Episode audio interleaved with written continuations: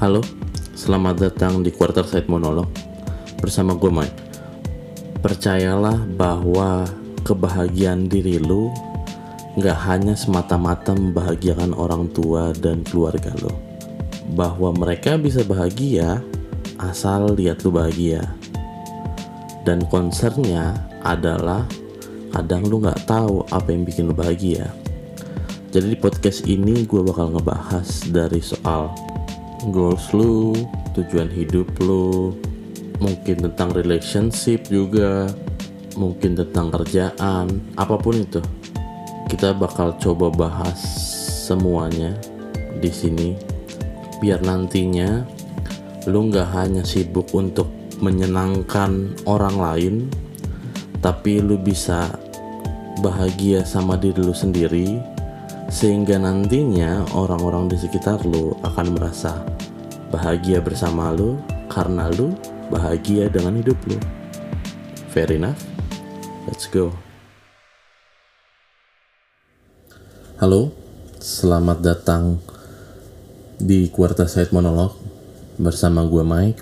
Um, jadi sebelum gue memulai, ada baiknya kita berdoa, nggak bercanda-bercanda um, jadi gue mau ngebagi satu cerita yang menurut gue menarik. Karena gue yang nulis jadi menurut gue menarik kayak sih. Jadi ceritanya tuh ada dua tokoh. Namanya Jack sama Sally. Kenapa gue pakai nama Jack and Sally? Karena gue suka Blink 182 kalau lu paham bagus. Um, mari mari mari gue bawa lu ke perjalanan Jack. Jack ini tipikal pemuda-pemuda IT normalnya. Kerja di perusahaan IT cukup ahli dengan bidangnya karena dia memang pada dasarnya memang suka sama IT jadi dia cukup beruntung di tempat tersebut. Um, di suatu ketika anjas suatu ketika di, su di suatu ketika uh, si Jack ini lagi biasalah namanya budak korporat kan istirahat makan siang bareng-bareng tuh. Kayak panti turun ke bawah kuclak kuclak kuclak kuclak turun ke bawah makan. Dia ngeliat satu cewek nih namanya Sally dari jauh kelihatannya wah Sally ini cantik nih. 10 over 10 lah. Perempuan-perempuan cantik pada normalnya aja gimana sih? Perempuan cantik menurut lu aja. Um, terus karena si Jack ngeliat wah cantik banget ya. Ya udahlah biarin aja. Karena mungkin dalam dasar hatinya bukan dalam dasar hatinya ya mungkin dalam alam bawah sadarnya bilang udahlah gak bisa lu dapet cewek yang kayak gitu. Berlanjutlah besok harinya. Nah besok harinya mereka duduk sebelahan. Ketika sebelahan karena posisinya teman-temannya Jack dan teman-temannya Sally belum datang atau belum pada turun atau belum pada jam istirahat entah bagaimana caranya mereka ngobrol dari mana sama siapa kerja di lantai berapa gitu gitulah ngobrol-ngobrol ternyata si Sally ini orang dari beda perusahaan. Oh gitu. Ya udah sekilas aja. Ngobrol sekedar karena pada dasarnya si Jack ini dalam alam bawah sadar yang menganggap Sally is above his league. Di atas rata-rata atau nggak di liganya dia ya udah si Jack merasa ya udahlah biarin aja. Perempuan cantik normal. Ternyata karena perlakuannya Jack yang tidak mencoba memenangkan Sally pada normalnya karena banyak laki-laki di luar sana yang melakukan segala cara maka si Sally cukup impress karena si Jack memperlakukan dia seperti manusia. Bukan kayak artis Instagram bukan kayak ratu yang harus dipuja-puja bukan kayak ya udah kayak manusia aja kayak perempuan laki-laki oh ya yeah. have a nice conversation ngobrol selesai ternyata itu ngebawa sedikit penasarannya Sally kok si Jack nggak kayak laki-laki normal ya yang dikit-dikit langsung modus dikit-dikit langsung memuja-memuja aku itu ngebuat si Sally penasaran. Karena pada umumnya manusia akan merasa apa ya merasa tertarik sama orang yang tidak memperlakukan dia pada normalnya. Karena Sally is a beautiful. Jadi ketika Jack memperlakukan dia pada umumnya, jadi Sally merasa menarik juga nih laki-laki. Menarik aja ya, bukan suka, bukan sayang, bukan cinta, menarik. Ketika perempuan merasa tertantang atau tertarik, mostly mereka akan melakukan hal yang sama, yaitu berputar di orbit sang laki-laki tersebut. Nah, Sally sama Jack mulai sering ketemu nih di bawah karena si Jack tidak memperlakukan Sally sebagai tuan putri dan memperlakukan Sally sebagai perempuan normal maka dimulai petualangannya Sally. Sally berputar-putar di sekelilingnya. Berputar-putar bukan maksudnya jalan muter-muter, nggak gitu dong. Maksudnya mungkin makan sampingnya Jack. Hey Jack, kabar? Basa-basi cabut. Terus waktu istirahat, coffee break, asik coffee break. Coffee break mungkin turun, hey ngobrol-ngobrol, cabut atau mungkin ketika lagi satu lift eh bareng kebetulan. That's what woman do. Lalu lama-lama Jack mulai realize nih kayaknya nih perempuan muter-muter mulu di sekeliling gua karena intensitasnya mulai naik. Jadi Jack memberanikan diri untuk ketemuan nih jalan. Asik. Terus jalanlah mereka. Karena satu, Sally tertarik dengan sosok misteriusnya Jack. Di lain sisi, Jack merasa kayaknya gue mulai ada chance nih. Kayaknya ada kesempatan nih. Mulailah jalan mereka. Waktu jalan, karena budak korporat, normalnya mereka jalan malam minggu. Malam minggu jalan, ngobrol-ngobrol, seru. Maka ketika ketika pulang Jack ngerasa wah anjing ini cewek. Bisa sih. Ya bisa sih. Bisa apa tuh? Ini cewek menarik. Gue tertarik sama dia. Dan normalnya oh ya ada satu hal yang harus di, diketahui. Ini dan ini lu bisa google. Normalnya perempuan akan jatuh cinta 4 sampai 8 minggu. Lu tahu berapa lama yang laki-laki butuhkan untuk jatuh cinta? 4 detik. Jadi mari kita kita asumsikan bahwa ketika pulang dari malam minggu itu Jack sudah jatuh cinta kepada Sally. Sedangkan Sally hmm, menarik juga nih si Jack. Dia passionate sama hidupnya. Dia punya goals yang dan mimpi-mimpi yang dia mau kejar. Menarik. Terus ketika pulang dari malam minggu tersebut, karena Jack merasa punya chance, Jack akan melakukan beberapa hal yang biasa banyak laki-laki lakukan. Disebut imaginary of action.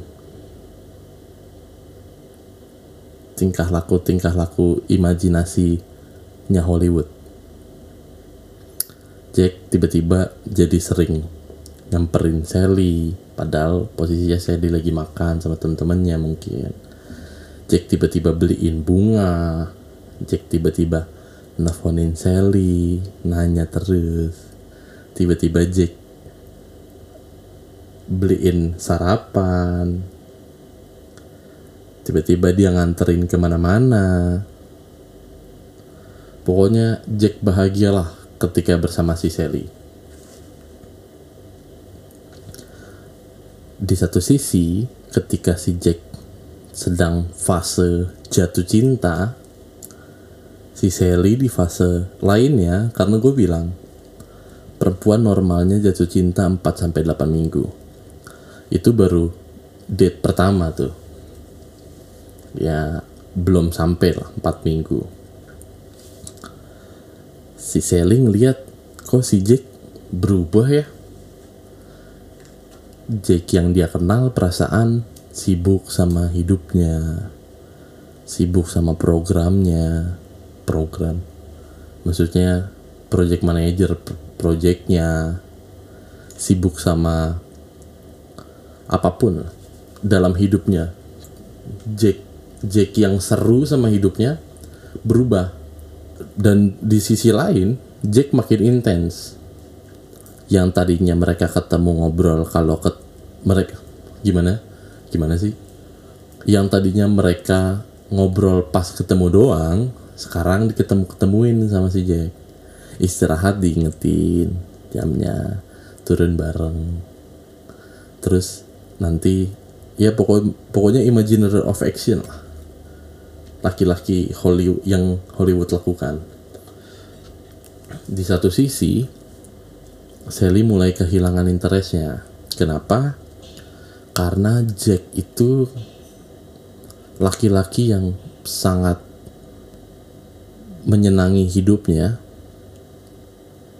yang punya passionate sama hidupnya, yang ngejar mimpi-mimpinya, tiba-tiba berubah.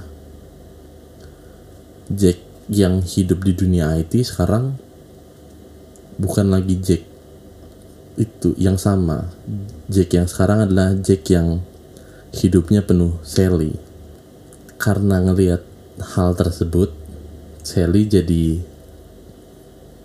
turn off ya. Jadi mulai jarang jarang balas chat. Mulai menghindari Jack mulai mulai nggak intens lah. Karena attraction levelnya drop. Di lain sisi si Jack karena Sally mulai seperti itu Jack makin merasa takut kehilangan. Akhirnya Jack ngajak Sally jalan lagi karena masih ada sedikit ketertarikan walaupun sudah sangat kecil. Si Jack si Sally bilang ayo. Tiba-tiba di saat itu ketika mereka jalan si Jack menyatakan perasaannya. Wah wah. Dia ngomong layaknya pokoknya bahasanya puitis. Layaknya Sairil Anwar lah. Ngomong semua hal diutarakan. Dia muntahkan itu semua perasaannya. Sally melihatnya ini laki-laki kenapa ya? Padahal dulu gue sempat tertarik sama dia. Cuman kok jadi kayak gini dia sekarang? Yang hidupnya tentang goalsnya sekarang hidupnya tentang gue tapi karena dasarnya perempuan adalah ma- makhluk yang tidak suka menyakiti perasaan manusia lainnya maka Sally bilang kayaknya aku pikir-pikir dulu deh wow. Ketika Jack bilang ya take your time anjas berpikir bahwa dia seperti gentleman tapi sebenarnya si Sherry lagi nyari cara nih gimana nih cara gue nolaknya dia nih. Wah iya.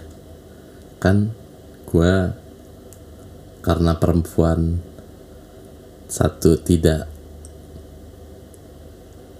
tidak mau menyakiti hati manusia lainnya dan kedua perempuan secara emosional akan lebih pintar terutama perempuan-perempuan yang punya nilai value feminim lebih tinggi dibandingkan laki-laki. Normalnya mereka akan lebih pintar. Maka si Sally bilang sorry Jack. Sorry Jack. Oh Jack. Sorry Jack tapi kamu terlalu baik buat aku.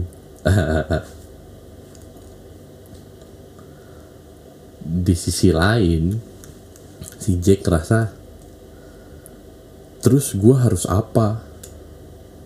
Harus jadi brengsek gitu nah dari cerita tersebut sebenarnya itu banyak terjadi di manusia-manusia zaman sekarang. Bahkan itu pernah terjadi sama gue tapi kalau gue konteksnya gue udah pacaran. Ketika gue yang tadinya seru sama hidup gue tiba-tiba hidup gue tentang doi nih terus perempuan yang ngerasa kan sebenarnya kalau menurut gue laki-laki tuh hidupnya kayak kapal lu nahkodah di kapal itu. Jadi lu bawa kapal itu berjalan. Tapi tiba-tiba ketika di jalan pertengahan jalan lu bilang lu lepas nah uh, setir kapalnya gue nggak tahu setir kapal namanya apa ya terus lu datang ke Sally atau datang ke siapa pun cewek lu terus bilang sayang tujuanku nggak penting yang penting kebahagiaan kamu. Mau nggak kamu menjadi teman hidupku? Atau mungkin lu mulai memperlakukan perempuan lu lebih penting daripada goals lu? Perempuan di posisi tersebut yang tadinya dia enjoy nih pemandangan, ngeliatin kapal lu jalan. Ke mana nih kira-kira ya? Excited deh, excited. Tiba-tiba dia berhenti, terus dia ngomong kayak gitu karena kalau perempuan punya kemampuan bukan punya kemampuan ya punya keberanian untuk menyakiti manusia lainnya mereka akan bilang lah anjing kan gue naik kapal ini buat ikut petualangan lo dong. Kenapa lo tiba-tiba mau berhenti? Kalau gitu gue cari aja kapal lain yang masih mau jalan. Akhirnya dia lompat deh. Terus lu bilang anjing perempuan tuh sulit dimengerti ya. Coba dah lu lihat diri lu mungkin lu yang nggak jelas. Kenapa gue ngomong seperti itu? Karena apa pun yang terjadi di hidup lo baik relationship lo hubungan-hubungan lo baik sama cewek atau sama keluarga lo atau sama siapa pun sama teman-teman lo sebenarnya yang paling penting di hidup itu adalah goals lo, tujuan lo, lo mau ke mana. Kenapa gue bilang seperti itu? Eh, gue ulang-ulang mulu. Karena ketika laki-laki nggak punya goals, maka hidupnya nggak akan menarik lagi. Dan ketika lu nggak excited sama hidup lo, maka orang-orang di sekitar lu nggak bakal merasa excited sama lo. Karena itu adalah vibe yang lu timbulkan dan untuk fight lu nggak bisa berbohong soal itu misalnya gue kasih contoh. Ada tentara ngomong sama istrinya sayang aku harus berperang. Walaupun mungkin aku nggak kembali lagi tapi aku lakukan ini untuk negara untuk anak-anak kita untuk masa depan cucu-cucu kita. Aku mau berperang. Doakan aku. Istrinya nangis jangan kamu jangan keluar kamu jangan berperang. Terus lu bilang enggak. Ini harus tetap kulakukan gokil. Laki banget tuh. Man terus lu keluar dengan tangisan istri lu sambil istri lu tetap mendoakan lu. Terus itu lu dijemput nih sama kawan-kawan lu. Terus tiba-tiba lu berhenti. Terus lu bilang bro kayaknya lu jalan aja deh. Lah kenapa? Lu nggak bangga dengan kita? Lu nggak bangga? Nggak kayaknya gue mau balik ke istri gue lagi aja. Istri gue nangis dia nggak ngebiarin gue pergi. Nah gimana sih kan kita mau berperang men menjaga kedamaian dunia? Iya tapi kalau misalnya gue nggak bisa menjaga kedamaian keluarga gue gimana caranya gue menjaga kedamaian dunia? Gokil. Sama nih kayaknya nih sama si Jack yang tadi nih puitis. Ya udah kira temannya jalan terus karena mereka punya misi yang harus dijalankan. Terus dia masuk lagi ke rumahnya. Bininya bingung dong lah gue baru kelar nangis kok lu pulang lagi bangsat? Tapi nggak ngomong gitu. Tentunya karena kembali lagi perempuan tidak menyakiti hati manusia lainnya. Dia bilang, iya sayang aku kembali buat kamu. Aku nggak mau biarin kamu sedih. Aku nggak mau kamu biarin kamu nangis. Aku bakal di sini sama kamu. Perempuan bilang, oh terima kasih sayang. Gini gini gini gini. Mungkin di saat itu dia bahagia karena ada lu dan lu melakukan demi dia tapi waktu berjalan akhirnya lu merasa lu membohongi diri lu sendiri. Lu nggak bahagia dong ngeliat teman-teman lu berperang. Ya walaupun gua nggak tahu juga cara lihat teman-temannya berperang gimana kan nggak mungkin di instastory sama teman-temannya. Cuman lu lu ngeliat teman-teman lu berperang lu merasa harusnya lu jadi bagian mereka, lu menjaga mereka. Akhirnya lu nggak bahagia nih sama hidup lu. Akhirnya lu mulai uring-uringan. Bini lu yang ngeliat lu uring-uringan, jadinya ngerasa kesal sendiri. Kenapa? Ini kenapa sih ini orang nih? Tiba-tiba uring-uringan sendiri orang kan dia yang memilih untuk meninggalkan kawan-kawannya. Akhirnya mungkin lu jadi pemarah atau mungkin lu menjadi abusive atau mungkin lu menjadi apa ya? Kalau biasanya orang?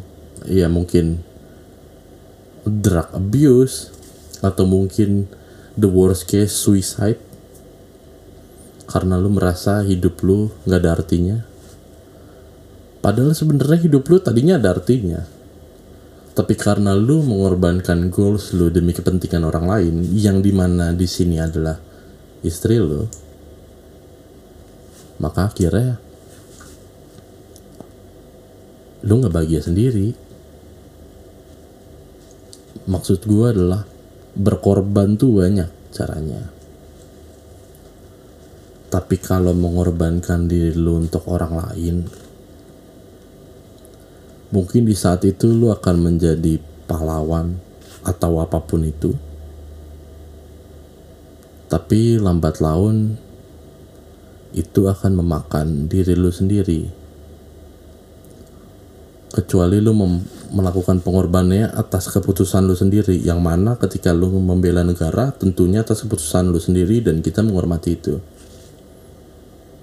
dan itu adalah salah satu cara berkorban juga kan? Lu mengorbankan keselamatan lu demi a bigger things. Tapi ketika lu mengorbankan goals lu demi orang-orang yang lu sayang mungkin lu nggak bisa marahin orang-orang di sekitar lu ketika mereka nggak percaya sama lu. Karena lu bahkan nggak percaya sama mimpi lu gitu. Gimana caranya lu memaksa orang mempercayai lu kalau lu nggak bisa percaya sama diri lu sendiri? Kenapa mungkin kenapa hal-hal seperti ini sering terjadi? Karena pada dasarnya perempuan itu berbicara dengan emosi, laki-laki berbicara dengan logika. Laki-laki sering banget uh, mengambil utuh apa yang disampaikan perempuannya. Padahal ketika lu berbicara dengan perempuan, lu nggak bisa lihat itu sebagai exactly what she said gitu. Karena perempuan sering kali menggunakan emosinya dan itu normal. Dan ketika laki-laki menggunakan logikanya juga normal untuk laki-laki. Itu kenapa ada buku Men Are From Mars, Women Are From Venus. Mungkin nanti lain kali gue bahas. Tapi karena ketika kita berbicara dengan cara yang berbeda, maka lu nggak bisa memperlakukan pasangan lu sama seperti cara lo. Kenapa gue ngomongnya untuk laki-laki ya? Karena menurut gue laki-laki punya responsibility di mana lu nantinya harus mimpin keluarga lu gitu. Ketika lu nggak bisa stick with your goal, stick what you say, stick dengan apa pun yang lu katakan, apa pun yang lu perbuat, dan percaya sama diri lu sendiri, nggak bakal ada gitu nggak bakal ada lagi yang percaya sama lo cerita laki-laki tadi tentara tadi sama cerita Jack sebenarnya nggak jauh beda. Mereka memutuskan untuk uh, memilih orang yang dia sayang daripada goalsnya. Tentunya banyak orang yang di luar sana pasti menentang ucapan gue mereka bilang ya pasti penting dong orang-orang yang lu sayang gitu-gitu tapi kembali lagi itu pilihan lo. Kalau lu mau menjadi laki-laki yang bisa dipercaya tugas pertama lu adalah percaya sama diri lu sendiri. Walaupun ada harga yang harus dibayar. Kenapa banyak laki-laki yang akhirnya menyerahkan menyerah kok menyerahkan? Iya sih menyerahkan juga bisa. Menyerahkan goalsnya.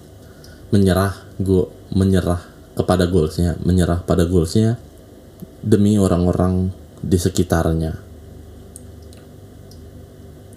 Karena banyak dari laki-laki yang ngomong menggunakan logika kalau A ya A B ya B. Kalau lu maunya A ya berarti lu maunya A. Kalau lu maunya B ya berarti lu maunya B. Sedangkan ketika lu berbicara sama perempuan bukan seperti itu caranya. Perempuan mungkin bisa aja bilang I love you forever. Terus di lain waktu dia ninggalin lo. Dan itu yang terjadi sama gue apakah gue salahkan perempuannya? Enggak. Gue salahkan diri gue sendiri karena gue menyerah sama mimpi gue demi kebahagiaannya dia padahal kan kebahagiaannya dia ngelihat gue bahagia. Akhirnya ketika gue menyerahkan kebahagiaan gue dia yang ngeliat gue nggak bahagia. Akhirnya dia nggak bahagia juga. Akhirnya dia ninggalin gue dan gue sangat bersyukur dia ninggalin gue karena ketika dia ninggalin gua gua adalah tipikal orang yang kok gini ya bangsat? Akhirnya gua mencari cara akhirnya gua sampai di titik ini sekarang. Maka ketika sekarang ini gua nggak pernah boleh lu percaya sama apa yang diomongin. Tapi gua akan lebih percaya dengan apa yang lu lakukan. Ketika dia ngomong gak apa-apa tapi dia merasakan. Tapi dia terlihat tidak baik-baik saja maka sebagai laki-laki normal lu akan percaya oh ya udah nggak apa-apa. Kamu kenapa nggak apa-apa? Oh ya udah. Tapi karena sekarang gue sudah tahu bahwa perempuan tidak berbicara dengan logikanya maka yang lo lakukan adalah mengikuti insting lo enggak ini pasti ada kenapa-napa. Kenapa? Kenapa? Kenapa? Kenapa? Kamu kenapa?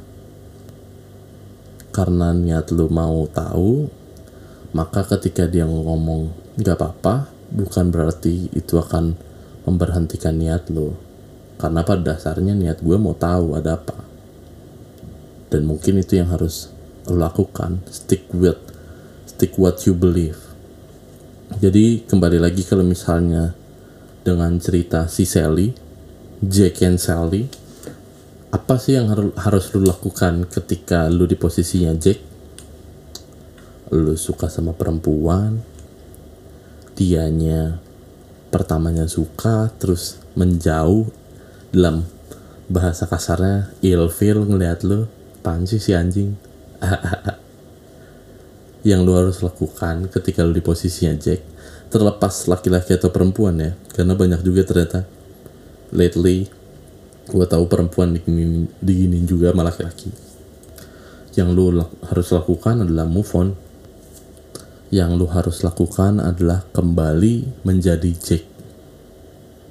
Yang awal yang passionate sama hidupnya yang punya goals, punya mimpi karena hanya Jack itulah yang membuat Sally tertarik bukan suka, bukan sayang tertarik karena lu bayangin, Sally ini perempuan cantik.